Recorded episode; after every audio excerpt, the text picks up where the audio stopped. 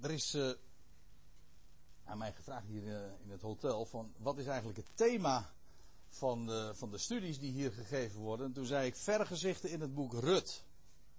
Oh, dan zeggen ze van ja, maar dan uh, kun je veel beter op de negende verdieping een, een studie geven. Want kijk dan maar eens een keertje uit het raam, dan heb je echt vergezicht. Ik zei nou oké, dan doen we dat.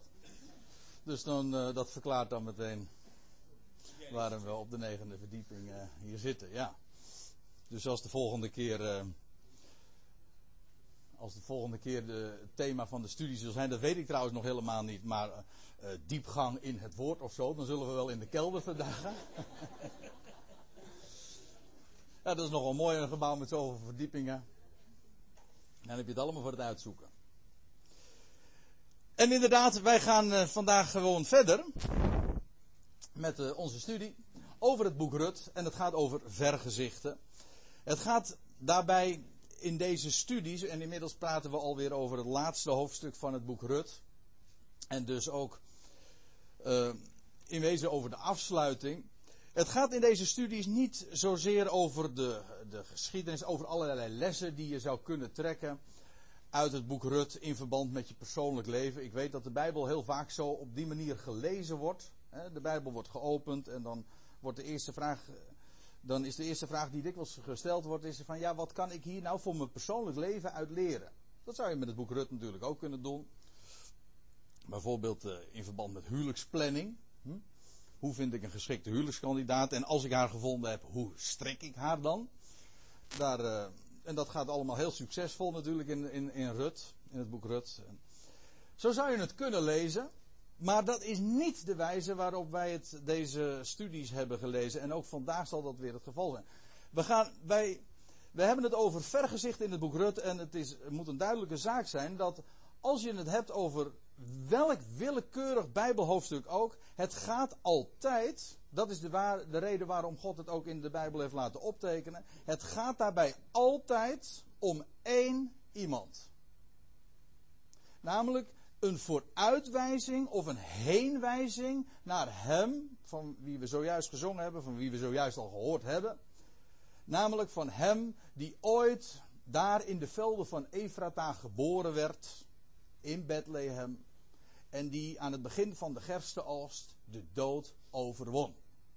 En met alle consequenties van dien. Daar gaat het in heel de Bijbel over. En als ik het zo zeg, dan begrijpt u ook waarom het boekje Rut in de Bijbel staat. Het boek Rut gaat in wezen over Boas. Het heeft de titel van Rut, maar het gaat, de hoofdrolspeler is Boas. En Boas is een heenwijzing. Ik heb dat de voorgaande studies ook duidelijk gemaakt, hoop ik. En ik ga, het, uh, ik ga er gewoon van mee voort. Om te laten zien dat Boas inderdaad een type is van hem in wie kracht is. Boas betekent dat namelijk in hem in wie kracht is. En die kracht is aan het licht gekomen toen hij inderdaad het graf definitief leeg achter zich liet. Goed. We gaan eens eventjes wat, uh, wat nader op dat hoofdstuk in. Nou, u weet in, dat, uh, in de voorgaande hoofdstukken, ik zal het nog eventjes voor, om het geheugen op te frissen, kort aangeven waar het ook alweer over ging. Rut 1. Een Joodse familie, woonachtig in Bethlehem, vertrok vanwege de hongersnood naar het buitenland. Dat wil zeggen naar het overjordaanse, naar het land van Moab. Dat wil zeggen Elimelech, dat was de vader. De moeder was Naomi. En ze hadden twee zonen, Machlon en Giljon. Ze vertrekken daar naar Moab. Want in eh, Israël was geen eten meer te verkrijgen. Ze vertrekken naar Moab. En Machlon en Giljon trouwen daar in Moab met Moabitische vrouwen. Rut en Orpa. Het zit hen allemaal niet mee, zacht gezegd, want het zit hen gewoon vreselijk tegen. Want in een paar jaar tijd sterft eerst Elimelech, vervolgens de beide zonen Machlon en Giljon, zodat Naomi overblijft met haar beide schoondochters. Op een gegeven ogenblik krijgen ze te horen dat er in Bethlehem toch weer eten verkrijgbaar is. En dat uh, noopt Naomi ertoe om weer terug te gaan naar het land. Dat vinden we al aan het einde van het hoofdstuk 1. En de beide schoondochters gaan mee. Uiteindelijk blijft trouwens Orpa toch achter op aandringen van Naomi, want die wilde die meiden, die vrouwen helemaal niet mee, eigenlijk niet mee hebben. Ze dacht van, Niet omdat ze die vrouwen niet mocht, maar omdat ze dacht van nou, dat zijn Moabitische vrouwen en ze horen daar in Moab. Maar Rut is vastbesloten en die wil absoluut met Naomi mee. En inderdaad, ze trekken de Jordaan door of over en ze komen in Bethlehem aan. En dan komen we in hoofdstuk 2. Dan lees je dat uh, Rut gaat aren lezen, want het is allemaal armoedtroef. En ze gaat achter de maaiers aan die nog wat graan hebben, die nog wat graan laten liggen. En, uh, en Rut met andere arme vrouwen, die uh, rapen nog dat wat de maaiers hebben laten liggen, raapt ze op. Aren lezen. Dat is hoofdstuk 2. En dan komen we inderdaad ook de figuur van Boas tegen. En ze komt toevallig op het terrein van Boas terecht. En Boas heeft daar al gauw in de gaten. En uh, zij vindt, zoals dat zo mooi heet in hoofdstuk 2, ergens lees je dat. Zij vindt genade in zijn ogen. Nou, Rut, uh, die uh, vindt inderdaad genade in zijn ogen, want ze wordt heel erg rijkelijk bedeeld met, met, met tarwe, met gerst. Door Boas, die zegt zelfs: laat expres nou maar wat liggen voor haar.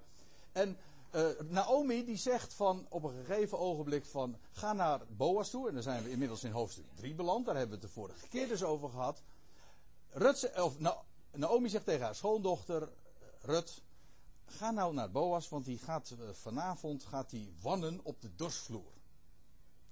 En uh, baadje, zalfje en op je paasbest ga je daar naartoe. Paasbest, ja leuk.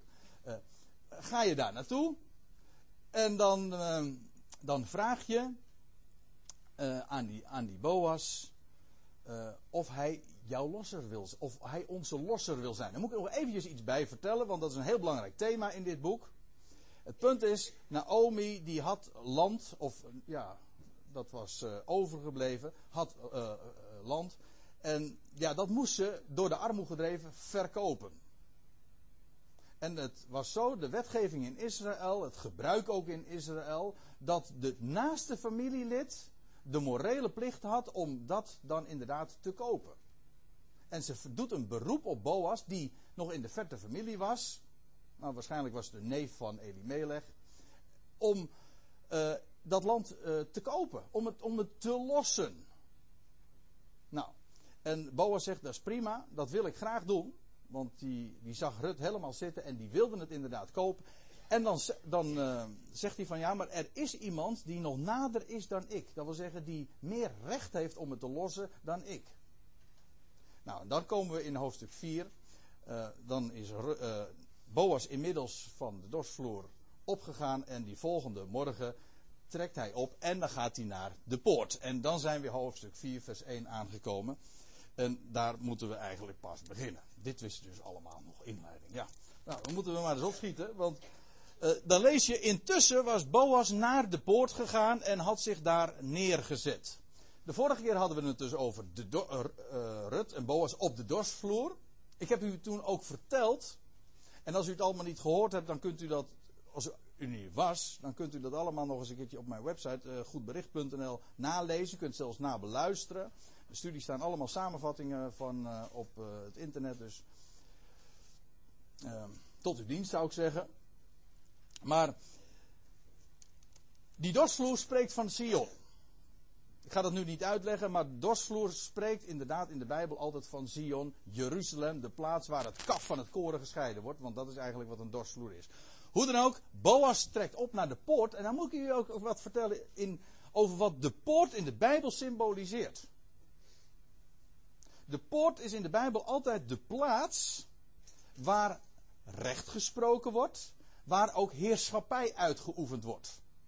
Je leest het heel vaak dat de oudsten in de stad in de poort de beslissingen namen. Of als er recht gesproken moet worden, dan vond dat plaats in de poort. Je leest ergens in Genesis dat Lot, die zat in de poorten van Sodom. Dat was heel dom trouwens van hem. Dat was zo dom, hè, dat hij dat deed. Daarom heet het, staat misschien ook wel zo. Ja, ik ben ook maar een simpel iemand. Oh, dat wist je, ja, ja. Oké. Okay. Goed.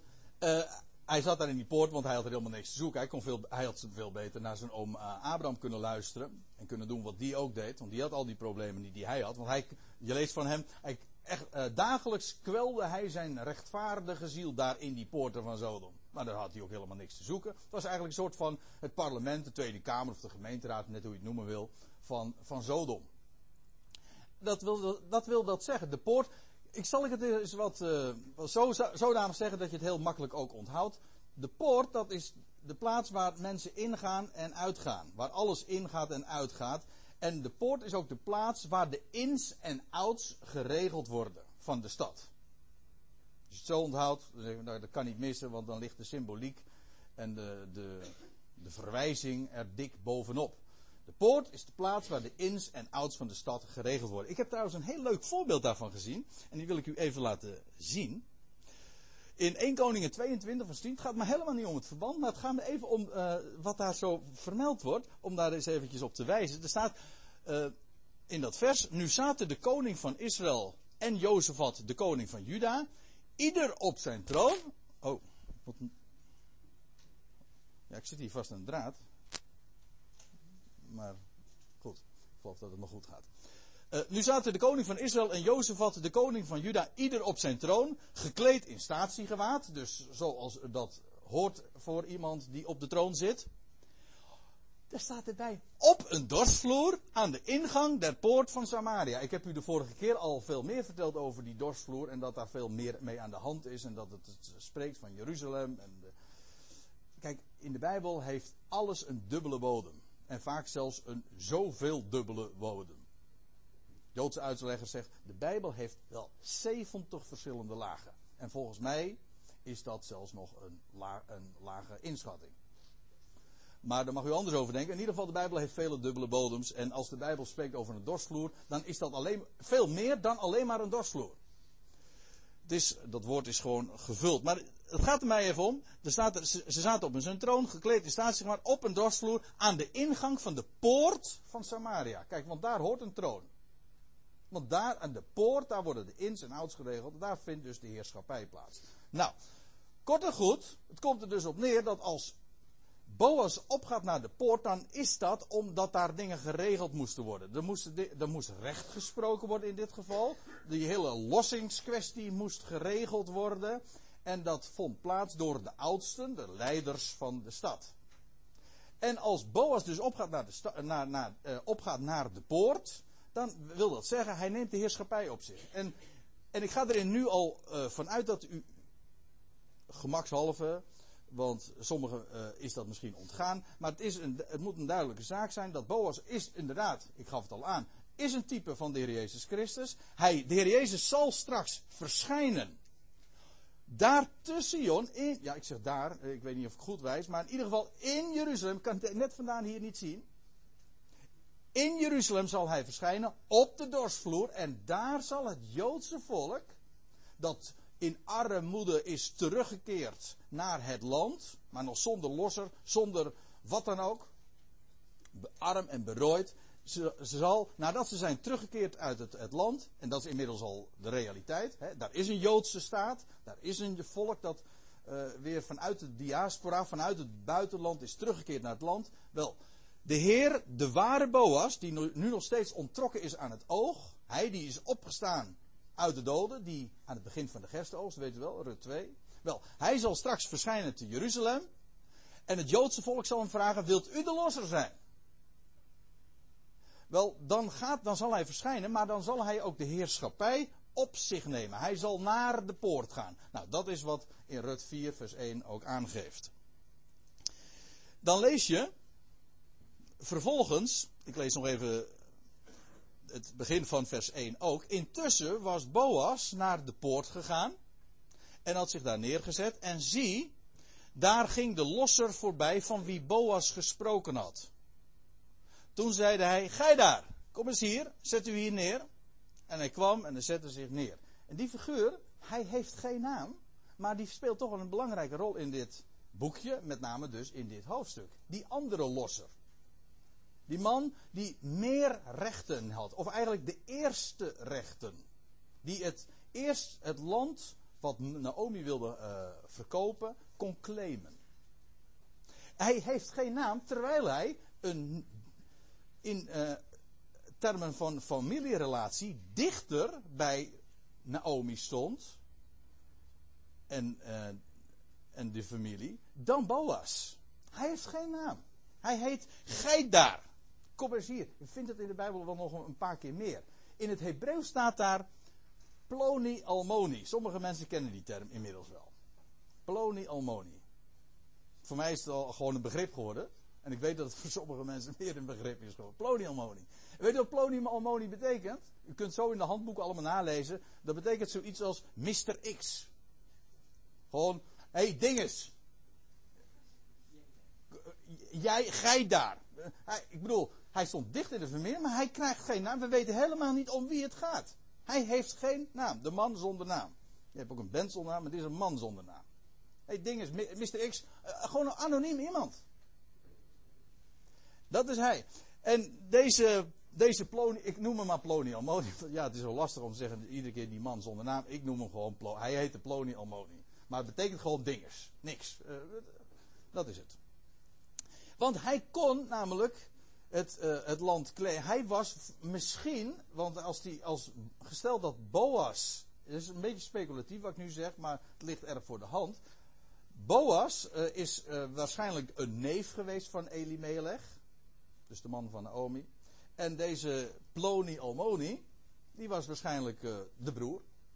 Dus die had wel degelijk de eerste rechter, die kon, de, die kon het land claimen. Nou, Boas die, heeft, die had een idee. En hoe dat idee in elkaar stak, dat gaat hij vertellen. Oh ja. Want hij legt dan voor aan die, uh, die, die. Want hij had inmiddels nog eerst, dat moet ik er ook nog even bij zeggen. Hij ging dus naar de, Boas ging naar de poort. Hij roept tien getuigen bij zich. Dat was, nog, tot op de dag van vandaag is het zo in het Jodendom dat als daar een, een, een geldige bijeenkomst gehouden wordt, een rechtsgeldige bijeenkomst gehouden wordt, dan moeten er daar tien man zijn. Een, een synagoge mag, is pas een synagogedienst wanneer daar tien man is. Daar is een hoop over te vertellen, waarom dat zo is. Maar dat gebruik zie je hier dus ook al. Er worden tien getuigen bij elkaar verzameld. Tien.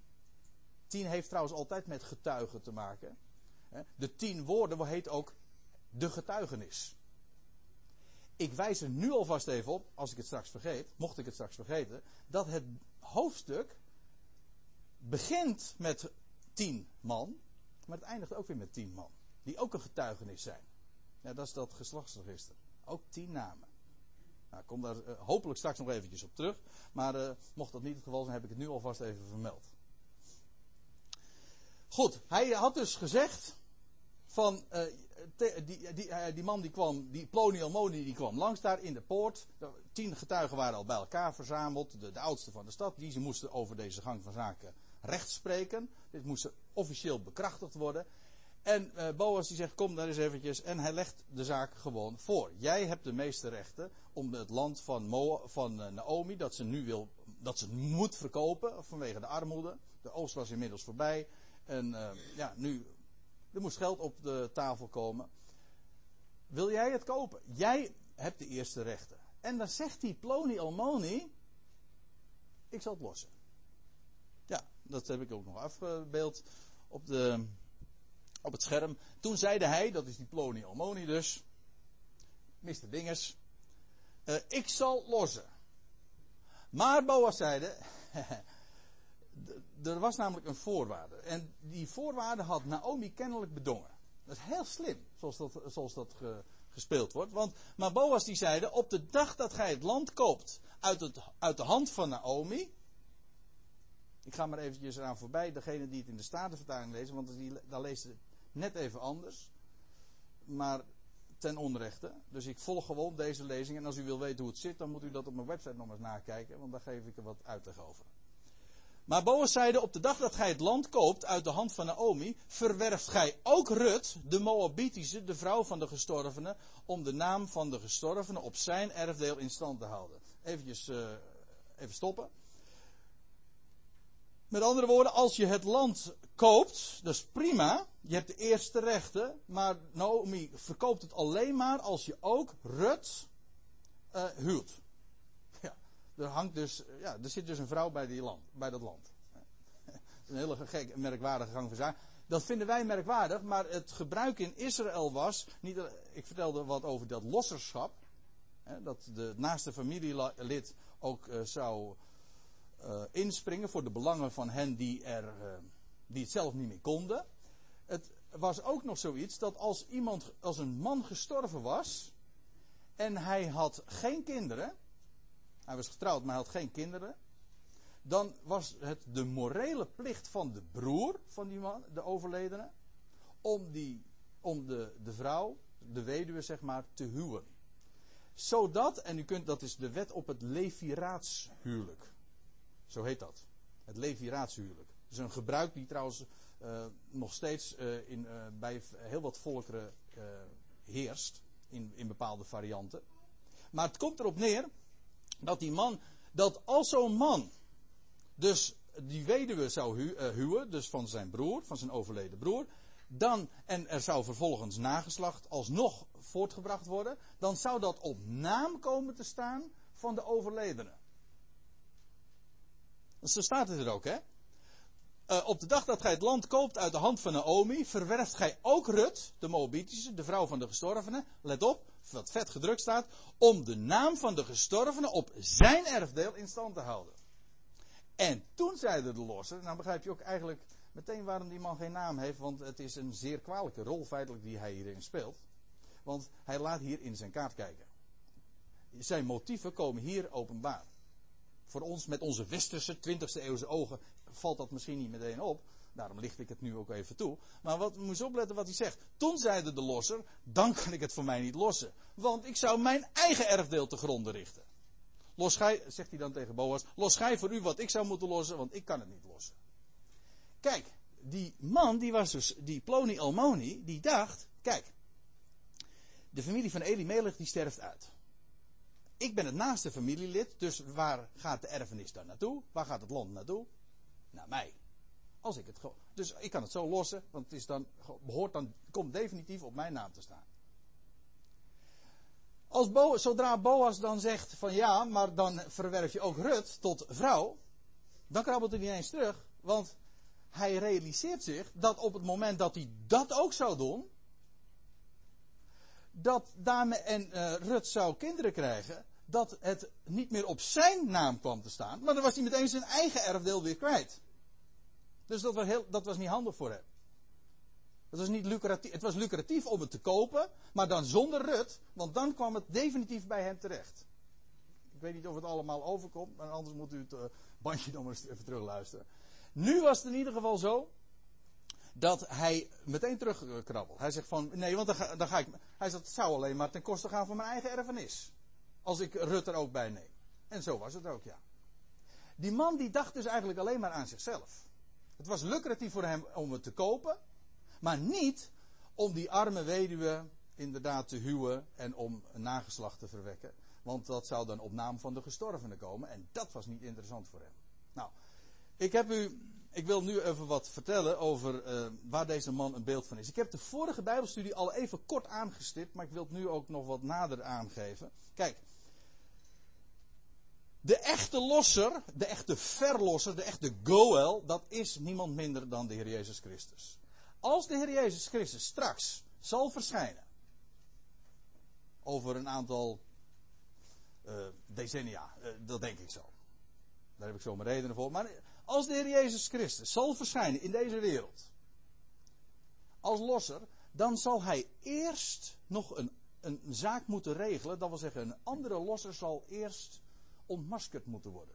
Iemand die zich al eerder als losser had gepresenteerd. Die al eerder het land geclaimd had. En dat is de illustere figuur die je in de Bijbel zo vaak tegenkomt. Ja, zoals wij hem dan ook noemen. Nou, trouwens, zoals de schrift hem ook noemt. De antichrist. Hij die zich zal voordoen als de Christus. Die het land zal claimen. Maar hij denkt niet aan het belang van die ander. Hij denkt aan het, ja, sorry. Hij denkt aan het belang alleen maar van zichzelf. En dat is daarmee eigenlijk ook ten voeten uit die, die, die Ploni Almoni. Hij is een type van die man die straks in de wereld zich zal gaan presenteren. En die eh, ook zich zal voordoen als de Christus. En, en reken maar dat hij goede papieren heeft hoor. En ik stel me zo voor dat straks de wereld uh, schijnbaar in, in, in een vrederijk gaat veranderen. Dat er in het Midden-Oosten geweldige dingen gaan gebeuren. Er worden vredesallianties gesloten. Een geweldige welvaart zal er opbloeien. En in die omgeving zal, zal uh, hij komen en zeggen van kijk, dit is het beloofde Messiaanse Rijk. En hij zal zelfs met de Bijbel op de proppen komen. En hij zal zeggen van kijk, ik ben die beloofde Messias, ik ben die losse. Hij zal zich het eerst aandienen, maar hij zal een valse zijn. Degene die het op hem hebben gemunt, of degene die op hem zijn vertrouwen stellen, die hebben echt op het verkeerde paard gewet. Ja. Goed, deze losser is dus een nepverlosser. Ploni Almoni heeft geen naam. Hij mag geen naam hebben, zijn naam wordt ook weggedaan. En dat is voor mij ook de reden, de reden uh, typologisch, de, de diepere reden waarom zijn naam helemaal niet eens vermeld wordt. Hij verdient ook geen naam. Er is er maar één die een naam heeft, die echt de losser is, die denkt aan het belang van zijn volk en die een hart heeft, en dat is Boas. Deze man niet. Deze man was alleen maar uiteindelijk uh, in, in de weer voor zijn eigen gewin.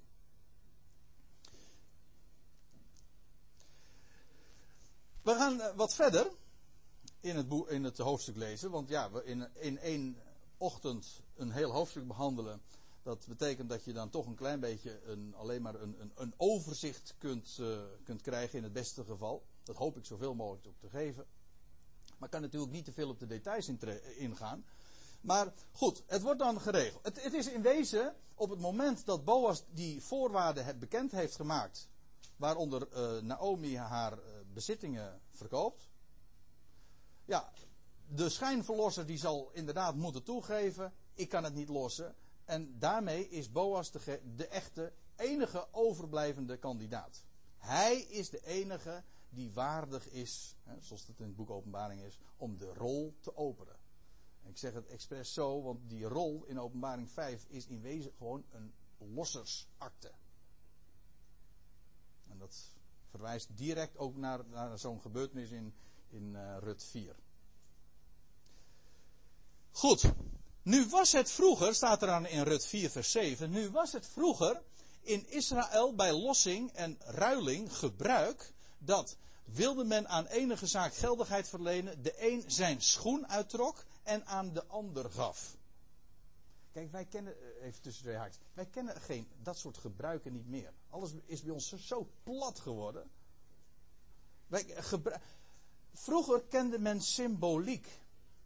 Vroeger kende men uh, het verschijnsel dat, dat alles, zelfs in de natuur, allerlei gebruiken, alles heeft een diepere betekenis. Bij ons heeft eigenlijk, in ons, wij leven in een wereld waar niks betekenis heeft. Weet u hoe dat komt? Omdat we allemaal vergiftigd zijn met dat hele idee van er is geen God. Alles is ontstaan door een oerknal. En we zijn gewoon uiteindelijk voortgekomen uit een, een amoebe, zo'n eenzellig organisme. En dat is allemaal, geef het miljarden jaren de tijd. En we zijn, en we zijn nou, nou, hier lopen wij. Maar het is allemaal toeval. Dat is een belachelijk verhaal natuurlijk. Te krankzinnig om over te praten. Want we zeggen allemaal, het is een sprookje als een, als een, een kikker verandert in een prins. Maar iedereen gelooft het. Ja, maar het is een sprookje dus, hè.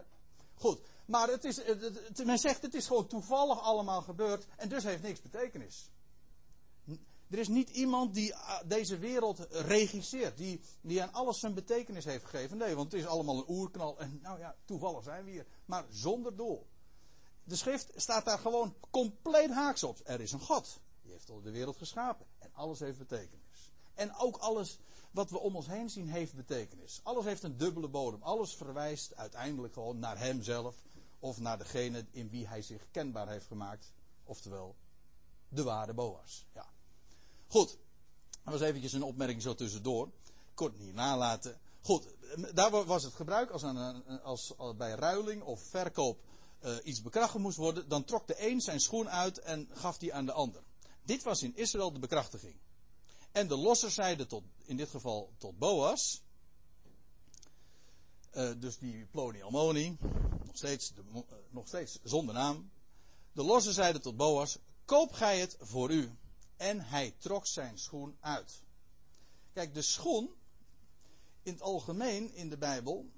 Goh, ga je nou over schoenen praten? Ja, ja, ja. Toch wel, want over schoenen is toch wel het, over, het een en ander over te vertellen. Uh, dan gaan we het niet over merken hebben en zo. Maar over wat nou eigenlijk een schoen uitbeeldt. Nou, de schoen is eigenlijk niks anders als een uitbeelding van iemands positie. Daar waar je in staat. Een positie waarin je staat. En in wezen, in dit geval was het zo, de, de ene losser, de eerste rechthebbende, die moet zijn positie als losser opgeven. En hij zegt van, en jij mag in die positie gaan staan. Dat wil zeggen, ik was de losser, degene die de eerste rechten zeg maar had. Maar ik geef mijn positie op en ik geef het aan jou. Dat is eigenlijk wat de schoen uitbeeldt. Iemands positie, daar, iemands wandel. En hij geeft daarmee dus, hij wordt hiermee ontmaskerd. Hij leek de losser te zijn, maar hij was het niet. En hij moet het ook openlijk inderdaad uh, ontgelden. En hij geeft zijn schoen aan de ander. Je leest trouwens vaker in de Bijbel over dit gebruik. Ik laat het nu niet zien, maar in Deuteronomium, wat is het? Ik geloof 25 of misschien 26. Dat je ook leest van dat een ontschoeide was een smaad dat wil zeggen iemand die uh, in dit geval zijn schoen had uitgetrokken, dat was ook een smaad. Dus het is meer dan alleen maar een rechtshandeling. Het, was ook in wezen een, uh, deze, deze man, die had ook uh, met het feit dat hij dit deed, laadde ook een schande op zich. Hoe dat verder ook zij, dat is wat die schoen eigenlijk ook uitbeeldt. En om eventjes meteen ook kort te sluiten naar de ware betekenis, naar, de, naar het vergezicht zeg maar. Wel, de Heer Jezus Christus zal straks verschijnen op de dorsvloer in Jeruzalem. Vervolgens zal hij zijn, de heerschappij op zich nemen. de heerschappij is op zijn schouder. Hij zal de heerschappij uitoefenen. En vervolgens is het zo dat hij de, de netverlosser zal die aan de kant schuiven. En dat zal allemaal rechtsgeldig gaan. En de positie van die, uh, van die, messia, van die schijnmessias zal de echte Messias op zich nemen. Dat is wat dit eigenlijk allemaal ook uitbeeldt. Ja, dan heb ik nog iets. Uh, wat, ik weet niet of je het goed ziet. Het is niet zo heel scherp, geloof ik. Hè? Uh, wel, nou ja, in elk geval, u ziet hier uh, de, de, nou de tempel, de rotskoepel in Jeruzalem. in deze omgeving, ik zeg expres even zo, in deze, in deze omgeving hoort de echte tempel te staan. Of ja, van Jeruzalem. Maar ik weet niet of u er ooit wel eens geweest bent. Ik ben er diverse keren geweest. Maar als je daar die rotskoepel naar binnen gaat. Dat geldt trouwens ook voor die moskee die ernaast staat. Met die zilveren koepel, de El Aqsa. Als je daar naar binnen gaat, en dat, eh, dat is voor elke moslim natuurlijk uh, gesneden koek, maar ik, ik, weet niet of er hier veel moslims in ons midden zijn, maar. Uh, in elk geval is het zo dat als je nu ook naar de moskee toe gaat, dan moet je. Oh. Dan moet je de schoenen van je voeten doen. En nou ga ik geen lelijke dingen over moslims zeggen. Integendeel, want zij weten dat beter dan wij. Als je namelijk het, het heilige, heilige grond betreedt. Zij, ik weet niet of zij de symboliek snappen, dat vraag ik me af. Maar in elk geval is de symboliek erachter is een hele mooie. En die vind je ook al in de Bijbel. Bijvoorbeeld bij Mozes, ik hoor de naam al eh, roepen hier. Toen Mozes geroepen werd daar in, de woestijn, in Arabië. Hè? Toen hij daar geroepen werd, dan lees je bij die brandende braamstruik, dan staat er Mozes, Mozes. Nou, Mozes die, die, die gaat daar naartoe en dan krijgt hij te horen, doe de schoenen van je voeten, want de grond waarop je staat is heilig. Kijk, ik zei net, de schoen is een uitbeelding van de, ja, van je positie, maar ook van je wandel. Dat, is nogal, uh, dat hoef ik niet uit te leggen. Met je schoenen, je schoenen trek je aan om te staan, maar vooral ook om te wandelen. De schoenen beelden de wandel uit. En dan moet je er eens even over nadenken. Waarom zouden al die, die honderden miljoenen moslims, zodra zij, de, zodra zij in hun optiek heilige grond betreden, waarom zouden zij nou hun schoenen uitdoen? Nou, het is heel simpel. De schoen is een uitbeelding van je wandel. En als je in de nabijheid van God komt, dan zul je je wandel, je positie, alles wat van jezelf is, moeten afleggen. Want Je, want het punt is namelijk, je kan alleen maar op basis van genade tot hem komen. Niet op basis van je wandel. En let op, maakt niet uit wat voor schoenen je aan hebt. Nette schoenen, mooie schoenen, het maakt allemaal niets uit. Je schoenen moeten van je voeten. Of het nou gepoetste schoenen zijn of uh, schoenen uh, met, met, met bagger eraan. Maakt allemaal geen verschil. Het zijn je schoenen. Het, het beeld je wandel uit. Afleggen die handel. Je positie afleggen. Want er is maar. Je kan alleen maar met lege handen en barrevoets bij God komen. Zonder dat je iets kunt claimen of zonder dat je ook maar recht kan laten gelden. De schoenen moeten van je voeten. Een mens kan niet naderen tot God op basis van iets van zichzelf. Is puur genade. Pure gratie. Zie je dat, dat die moslims iets uit tot uitdrukking brengen. Waarvan ze hoogstvermoedelijk, hoogstwaarschijnlijk helemaal zelf niet begrijpen wat, wat het uitbeeldt. Maar het is een demonstratie van genade. We kunnen alleen maar bij God komen zonder onze wandel en alleen maar op basis van genade. Moet u eens tegen uw moslimcollega vertellen. Alleen maar genade. God is inderdaad, zo zeggen moslims het trouwens ook, elke dag, hij is de barmhartige, hij is de genadige. Jammer dat ze het helaas verder niet kennen. Maar goed, ik zeg maar zo, ik zeg maar zo uh, wij mogen het vertellen. Zorg toch dat iedereen het weet, denk ik dan. Toch? Niets van jezelf God geeft om niet. Dat is wat dat schoenen uittrekken ook uitbeeldt. Dat vind ik altijd heel mooi, want als je dan bij zo'n, bij zo'n moskee bent, of uh, nou, daar ben ik eigenlijk nog nooit uh, geweest, behalve dan daar in Jeruzalem, dan zie je daar bij die ingang, dan barst het natuurlijk van al, al, al die schoenen. Dat is al een hele uitzoekerij weer wanneer je vervolgens terugkomt. Hè. En dan maar hopen dat hij er nog ligt, ja.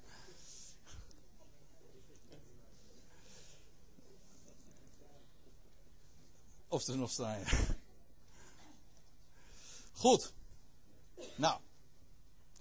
Um, we lezen nog wat verder in Rut 4. Hierop zei de Boas tot de oudste en tot al het volk. Gij zijt heden getuigen, hè, die tien man. Die tien man waren getuigen. Dat ik al wat Elimelech heeft toebehoord en al wat Giljon en Maglon heeft toebehoord, die zonen dus van Elimelech, koop uit de hand van Naomi. Ook Rut. Boas voldoet dus aan de voorwaarden die gesteld was. Ook Rut, de Moabitische, de vrouw van Maglon. Dat is, de eerste keer, dat is de enige keer trouwens dat we in de Bijbel lezen, of in dit boekje lezen, dat Rut getrouwd was met Maglon. Niet met die Giljon. Orpa was dus getrouwd met Giljon, Rut met Maglon. Nou, dus Boas zegt van, ik koop het land, inclusief ook Rut, de Moabitische, de vrouw van Maglon, verwerf ik mij tot vrouw om de naam van de gestorvene op zijn erfdeel in stand te houden. En zo zal de naam van de gestorvene niet uitgeroeid worden uit zijn broederen en uit de poort van zijn woonplaats. Gij zijt heden getuige. Ziet u dat Boas helemaal niet aan zichzelf denkt? Boas geeft hier aan wat zijn motief is. Het is namelijk, het is omwille van de naam van de gestorvene. En dat betekent dus dat als Boas bij Rut nieuw leven zou verwekken. Heel leuk trouwens dat uh, in, die, in die lijst die we in, uh, aan het einde van het hoofdstuk vinden. Dan vinden we tien namen. En dan zien we dat Boas de zevende naam is. En uh, vervolgens dus het kind dat verwekt wordt, Obed, is de achtste. En dat is nieuw leven. Inderdaad, en acht spreekt altijd weer van een nieuw begin, een nieuw leven. Denk maar aan de week. De eerste dag van de week is eigenlijk de achtste dag, maar het is een nieuw begin. Nieuw leven. Daarom vond de besnijdenis ook op de achtste dag altijd plaats. En daarom hebben ze de, zelfs kerst, weet, eventjes zo tussendoor, hè, daarom is het zelfs zo dat ze kerst hebben geregeld op de 25 december. Dus dat klopt niet hoor, daar gaat het nou even niet om. Maar de, de 25 is eerste kerstdag, de eerste kerstdag ja. En dan moet je eens een keertje acht dagen verder rekenen. Dan kom je uit op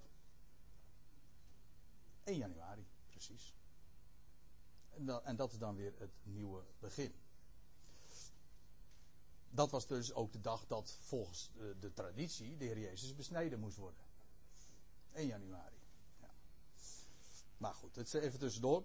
Moet u nog maar eens over nadenken. Het gaat mij eventjes om het punt. En dat is, Kijk, we hebben het over vergezichten. Ik heb het nu dus niet over het gebruik zoals dat was in Israël. Dat moet je een klein beetje weten al om het uh, überhaupt te begrijpen. Dat snap ik ook wel. Maar het gaat me even om, om het motief dat Boas hier kenbaar maakt. Want hij zegt, uh, ik koop het land, ja, ik verwerf ook Rut, de Moabitische, tot vrouw.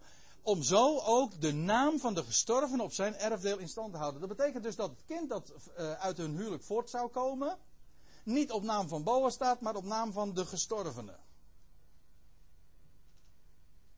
Eigenlijk is Boas niks anders de voortzetting van Maglon. Dat is wat hij zegt. Zal ik nog anders zeggen? Boas is gewoon de opgestane Maglon. Dat is eigenlijk, dat is het. En daarmee is de cirkel weer rond, want ik had al eerder verteld, Boas, die verschijnt ten toneel op het begin van de gerstoogst. Ik dacht dat de Heer Jezus is opgestaan uit de doden, spreekt van nieuw leven, dat hij kracht aan het licht bracht, et cetera. Nieuw leven.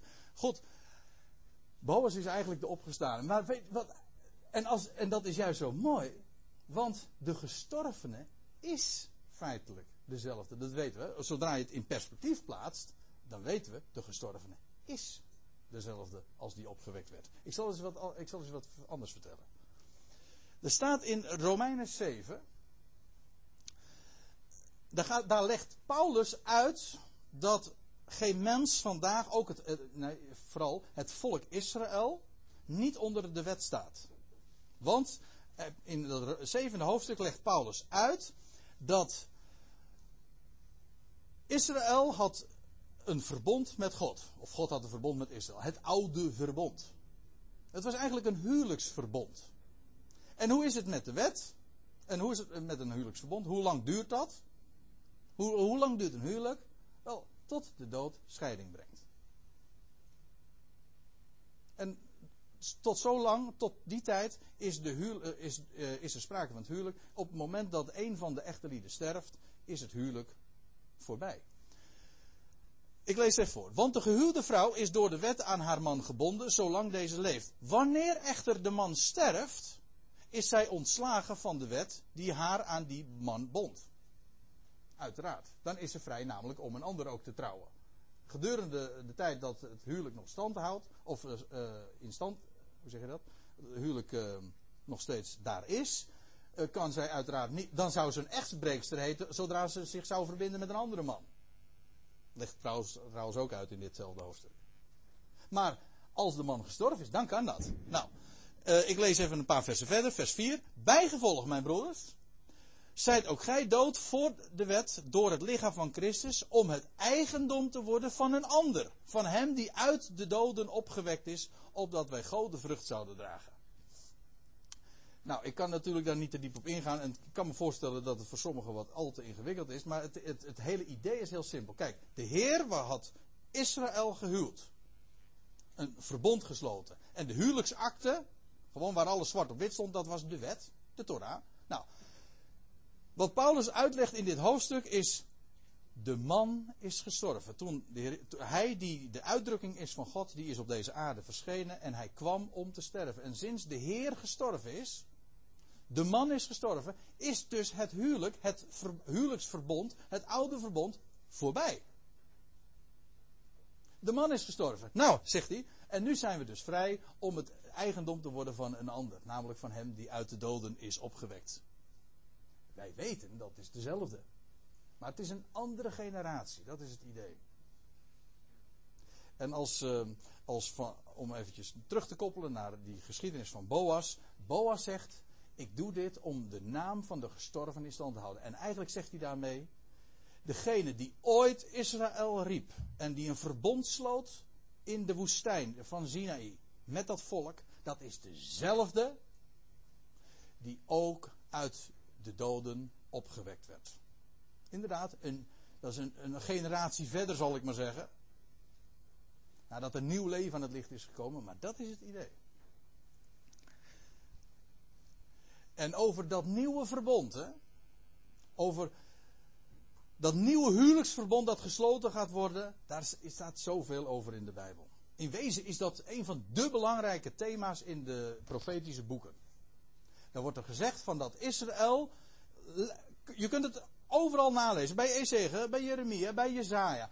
dat de Heere zal straks, of de Heere zal het volk van Israël verzamelen uit de volkeren, uit de ballingschap, en hij zal hen brengen in het land. En wat lezen we? En de Heer zal inderdaad voor hen uh, in de bres springen. Hij zal hun belangen behartigen. Hij zal de schijnverlosser te, uh, teniet doen. Hij zal het land kopen. Hij zal hen in veiligheid doen wonen. En hij zal een nieuw verbond met haar sluiten. Met het zijn volk sluiten. Het nieuwe verbond, het nieuwe huwelijksverbond. Ik zal u, ik zal u tot bruid werven. Nou, ik weet een heleboel mensen die denken van de kerk is de bruid. Nou, dat lees ik nergens in de Bijbel hoor. De dat wij de bruid van de Heer zou zijn. Dat is Israël. Wij zijn zijn lichaam. Wij zijn nog in veel intiemere verbinding met hem dan het volk Israël ooit zal staan. In ieder geval, Israël zal geworven worden tot bruid. Een nieuw verbond zal met haar gesloten worden. Zij die uit de volkeren verzameld is, wel, daar zal een nieuw verbond mee gesloten worden. En als u dat leest in Jezaja 54, want dan wordt er gezegd, dat is profetisch. Want uw man is uw maker. Ook het huwelijk heb je. Ik had het zojuist over, allerlei gebruiken met een diepere betekenis. Ook het huwelijk is zo'n gebruik. Geen, wij weten niet meer wat het huwelijk betekent. Weten ze echt in de wereld totaal niet meer. Wat dacht je, wat, wat, denk je anders? Waarom, waarom ze het homo-huwelijk zouden hebben uitgevonden? Omdat ze domweg niet meer weten wat huwelijk is. Dat zeg ik niet om met de vinger te wijzen of zo, of dat ze zo slecht zijn. Maar men weet, men tast in het duister. Dat is het probleem. Maar in de Bijbel is het volkomen duidelijk: uw man is uw maker. Dat is wat er, zoals het straks zal zijn. Heere der Heerscharen is zijn naam. En uw losser, moet je opletten joh. En uw losser is de heilige Israëls. God van de ganse aarde zal hij genoemd worden. Ziet u dat het toekomstig is? Want als een verlatene, als een verlaten en diep bedroefde vrouw heeft u de Heere geroepen als een vrouw uit de jeugdtijd, nadat zij versmaad werd, zegt uw God. Nou, hier vinden we eigenlijk in een notendop wat in Rut 4 besproken wordt. Maar dan het vergezicht. De man van Bethlehem.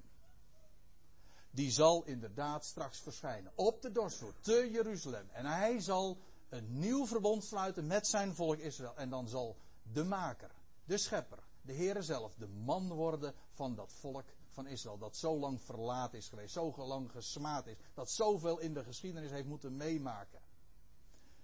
En hij zal hun losser zijn. En, hun en inderdaad hun man. Ja, en dan zijn we uiteindelijk, want ik uh, zie dat ik echt uh, zo ongeveer moet gaan afsluiten. Dan zijn we aangekomen bij het, slot van het boek uh, Rut. En het slot van het boek Rut is eigenlijk heel saai. Hè? U weet, dat vinden we allemaal. Uh, geslachtsregisters zijn is heel taai om voor te lezen. Er is niks aan. Totdat je er kennis van neemt, want elke naam is namelijk weer een verhaal op zich. Ja, ik zou zeggen, daag me niet uit, want dat wordt nieuwjaar hoor. Want het, is meteen, het begint meteen al, hè. Dit nu zijn de nakomelingen van Peres. Nou, dat is een verhaal apart hoor. Kent u dat verhaal van Peres en Serach? Kunt het allemaal nalezen. Genesis 38. Een tweeling was dat. Nou, dan gaat, en dan zal ik de voorgeschiedenis nog maar helemaal niet vertellen. Want dat beantwoordt niet aan onze normen en waarden, zal ik maar zeggen. Dat mag niet van Balkenende, zeg maar. Want dat is echt geen fraaie geschiedenis. Juda was geen voorbeeld hoor. Als je dan de Bijbel leest zo in de ethische zin van, van wat wij eruit kunnen leren om het tot voorbeeld te nemen, zeg van nou, dan moet je niet Genesis 38 lezen. Nou ja, uh, in elk geval, dan lees je dat uh, Tamar een tweeling verwekt. En dan, een, uh, dan de, strekt zijn hand dan uit van, bij de geboorte. Kent u die geschiedenis? En dan de, de voortvarende vroedvrouw die, die doet dan een scharlaken koord om zijn rechterhand. Want ja, het was belangrijk om te weten wie de eerstgeborene was. Zodat ze niet verwisseld zouden worden. Maar de, jongen die trekt dan vervolgens zijn hand weer terug. Heeft nog nooit heeft een vroedvrouw meegemaakt, maar die vroedvrouw wel. Tenminste, ik denk, dat, ja, ik spreek er ook niet zoveel, maar zal wel een hele unieke gebeurtenis zijn. En uh, dan breekt uh, Peres door. Ja, en daarom heet hij ook Peres, want Peres betekent breuk of door, doorbreking of doorbraak. nou, ziet u maar, elke naam is een verhaal op zich. Nou, en Peres verwekte Gesron, Gesron verwekte Ram, Ram verwekte Abinadab. Nou, dan vind je tien namen. Ik zei het zojuist al. In het begin van hoofdstuk tien namen, het einde van hoofdstuk tien namen. Ook deze tien namen zijn getuigen. Het is geen complete lijst van nakomelingen, want er zijn wat omissies, zoals dat zo netjes heet. Er zijn, er zijn schakels weggelaten. Maar dit zijn de kroongetuigen. Leuk woord in dit verband, want het zijn inderdaad getuigen van de kroon. Want het zijn de schakels die Juda verbindt met David. Het boek Rut eindigt met de figuur David. Het hele boek Rut is niks anders dan te vertellen van hoe David zo al ter wereld is gekomen en wat is zijn voorgeschiedenis. En God had ooit aan Juda de belofte gegeven, Genesis 49 vers 10, aan Juda zal de scepter worden gegeven. Juda is ook een leeuw, de koning. En Juda kreeg scepter. En God houdt zijn woord. En het heeft heel lang geduurd. Maar honderden jaren, nou vele honderden jaren later, dan is het inderdaad via, via, via, je kunt de lijn zo volgen, dat uiteindelijk inderdaad de scepter toekomt aan David. En toen vervulde God in eerste instantie zijn belofte. Uiteindelijk is David weer de, de voorvader natuurlijk van de Heer Jezus Christus. Ook uit Bethlehem.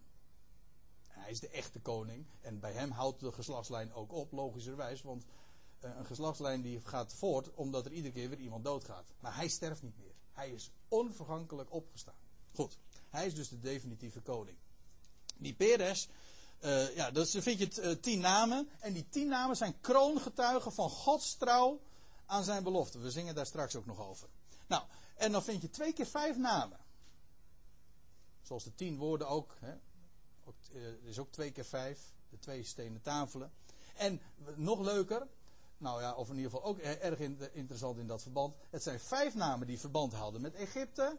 En de laatste vijf namen houden verband met Israël. En dan is inderdaad Boas de zevende, tel het maar na. En Obed de achtste, nieuw leven. En David de tiende. En daarmee is de cirkel rond. En en om nou eventjes helemaal het verhaal af te sluiten. Nou, en dan gaan, we, dan gaan we naar het Nieuwe Testament. Dat is het laatste wat ik daarover wil zeggen. Dan zegt Paulus in zijn geestelijk testament. Zijn laatste woorden zijn dit, die, hij, die we van hem vernemen.